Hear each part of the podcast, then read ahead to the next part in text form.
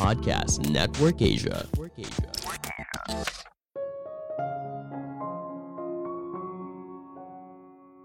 Tidak semua ide awal itu menarik, namun apabila diberikan kesempatan, ide itu bisa bertumbuh menjadi sesuatu yang luar biasa.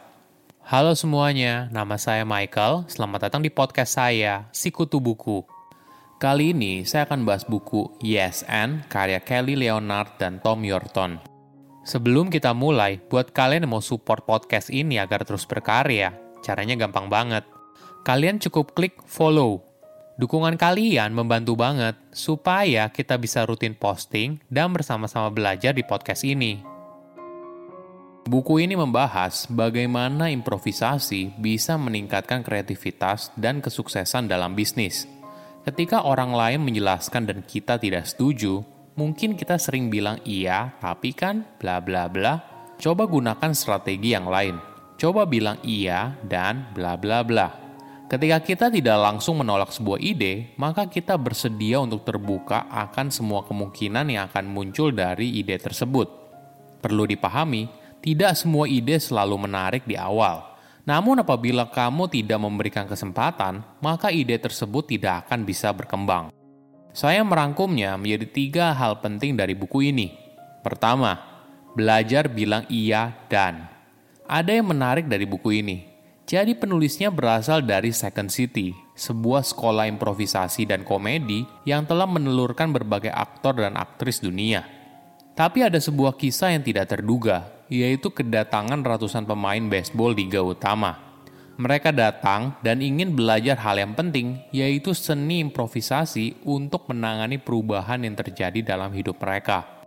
Misalnya tiba-tiba saja mendapatkan penghasilan puluhan miliar rupiah, mendapatkan permintaan dari sepupunya soal uang, sorotan media, dan sebagainya. Mereka butuh improvisasi untuk beradaptasi pada kondisi yang berbeda. Inti dari improvisasi adalah menciptakan sesuatu dari yang awalnya tidak ada. Dengan bilang iya dan, maka kita menyetujui sebuah ide dari orang lain dan membangunnya dengan salah satu ide yang berasal dari diri mereka sendiri. Tujuan utamanya adalah untuk selalu terbuka pada setiap kemungkinan, menerima apa yang ditawarkan dan menambahkannya, terlepas dari apa yang kamu pikirkan sebelumnya. Ada contoh yang menarik. Saat melakukan improvisasi, aktor di atas panggung tidak memiliki naskah dan harus memandu ke arah mana adegan akan dibawa. Nah, mereka akan melakukan strategi yes and. Misalnya seorang aktor bilang, "Wow, saya belum pernah melihat begitu banyak bintang di langit." Jika aktor kedua mengabaikan strategi yes and, dia mungkin meresponnya dengan mengatakan seperti ini, Mana? Gak ada. Saya nggak ngelihat satu bintang pun, kan hari ini siang bolong. Dalam hal ini, alur adegan langsung berhenti dan aktor pertama harus mencari cara untuk membuat adegan menjadi lebih menarik. Sebaliknya, coba bayangkan apabila aktor kedua setuju dengan aktor pertama dan menambahkan sesuatu yang baru dan meresponnya seperti ini. Wah, iya ya, semua terlihat sangat berbeda di sini saat kita di bulan. Pernyataan sederhana menggunakan strategi yes and untuk menegaskan apa yang dilakukan oleh aktor pertama telah membuka lebih banyak kemungkinan untuk adegan selanjutnya. Strategi ini adalah cara bagaimana seorang aktor bisa menciptakan adegan dan mengembangkan karakter yang kaya, lucu, dan pada akhirnya mengembangkan keseluruhan pertunjukan. Pola pikir ini juga bisa diterapkan di dalam dunia bisnis. Misalnya perusahaan asuransi bernama Farmers Insurance. Mereka percaya bahwa strategi ini memungkinkan para pemimpin untuk tetap terbuka terhadap ide baru dari karyawan mereka.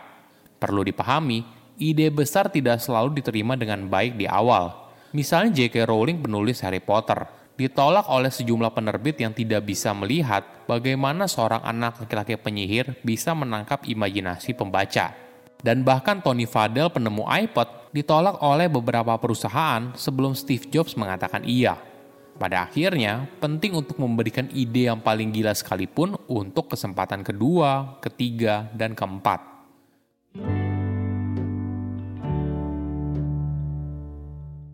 Kedua, menciptakan sebuah ensemble. Dalam dunia bisnis, kita pasti sering mendengar istilah tim. Bagaimana membangun sebuah tim yang solid, membuat seseorang menjadi anggota tim yang lebih baik, dan sebagainya. Namun di Second City, mereka menyukai istilah lain, yaitu ensemble. Bagi mereka, kata tim menyiratkan persaingan, biasanya dengan tim yang lain. Ensemble di sisi lain menyiratkan bahwa para anggota harus bekerja bersama sebagai satu kesatuan. Di dalam sebuah tim biasanya ada semacam hierarki dan ada seorang yang memiliki peran yang lebih penting daripada yang lain. Coba misalnya dalam sebuah tim basket, ada pemain yang jadi starter, ada juga yang jadi cadangan. Namun di sisi lain, ensemble bebas dari hierarki dan kompetisi. Pertanyaan seperti ini, bagaimana bisa membangun sebuah ensemble yang kuat? Pertama, kamu butuh keragaman. Bayangkan sebuah tim sepak bola isinya hanya striker saja atau kiper saja. Tentu saja tim tersebut tidak akan berhasil kan? Konsep serupa juga diterapkan dalam bangun ensemble yang berisi individu yang beragam. Masing-masing memiliki kekuatan yang akan ditingkatkan dalam kelompok dan kelemahan yang akan diminimalkan olehnya juga. Misalnya ensemble di The Second City. Selama tiga dekade, mayoritas pemainnya berisi pria Kaukasia. Akhirnya perusahaan memutuskan untuk membuat komposisinya menjadi lebih seimbang dan menarik banyak wanita Keputusan ini berbuah manis karena menghasilkan aktris dan penulis yang sukses. Saat ini, lebih banyak wanita mengambil kelas di The Second City Training Center daripada pria. Namun masih ada satu masalah, hampir semua pemerannya berkulit putih. Mereka pun mulai berbenah dan membuat program untuk orang-orang dengan kulit berwarna yang berbakat.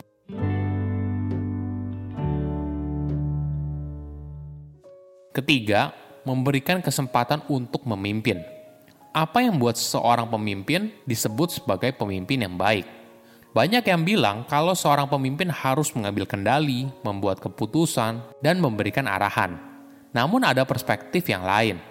Seorang pemimpin yang baik kadang perlu memberikan kesempatan kepada anggota timnya untuk memimpin. Ada sebuah latihan yang menarik disebut sebagai follow the follower. Sekelompok orang duduk dalam lingkaran saling berhadapan – Lalu setiap peserta masing-masing mulai membuat suara dan gerakan. Pada saat yang sama, setiap peserta meniru suara dan gerakan orang lain. Tidak ada yang memimpin dan tidak ada yang mengikuti. Jika satu orang memutuskan untuk menggelengkan kepalanya, seluruh peserta akan menggelengkan kepala. Namun, apabila dilakukan dengan benar, orang luar tidak akan bisa tahu siapa yang memulainya. Seolah-olah kelompok itu berada dalam perpaduan yang sempurna. Melalui latihan ini, setiap orang di dalam grup bisa menjadi pemimpin sementara waktu.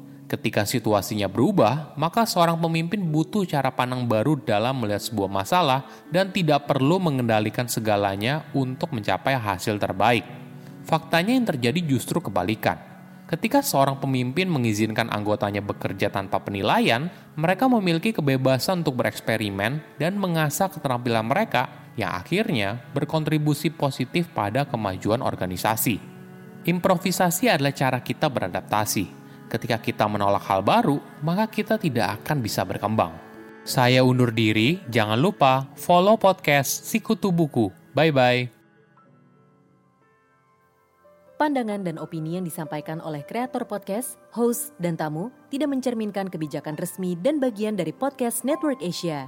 Setiap konten yang disampaikan mereka di dalam podcast adalah opini mereka sendiri dan tidak bermaksud untuk merugikan agama, grup etnik, perkumpulan, organisasi, perusahaan, perorangan, atau siapa pun dan apa pun.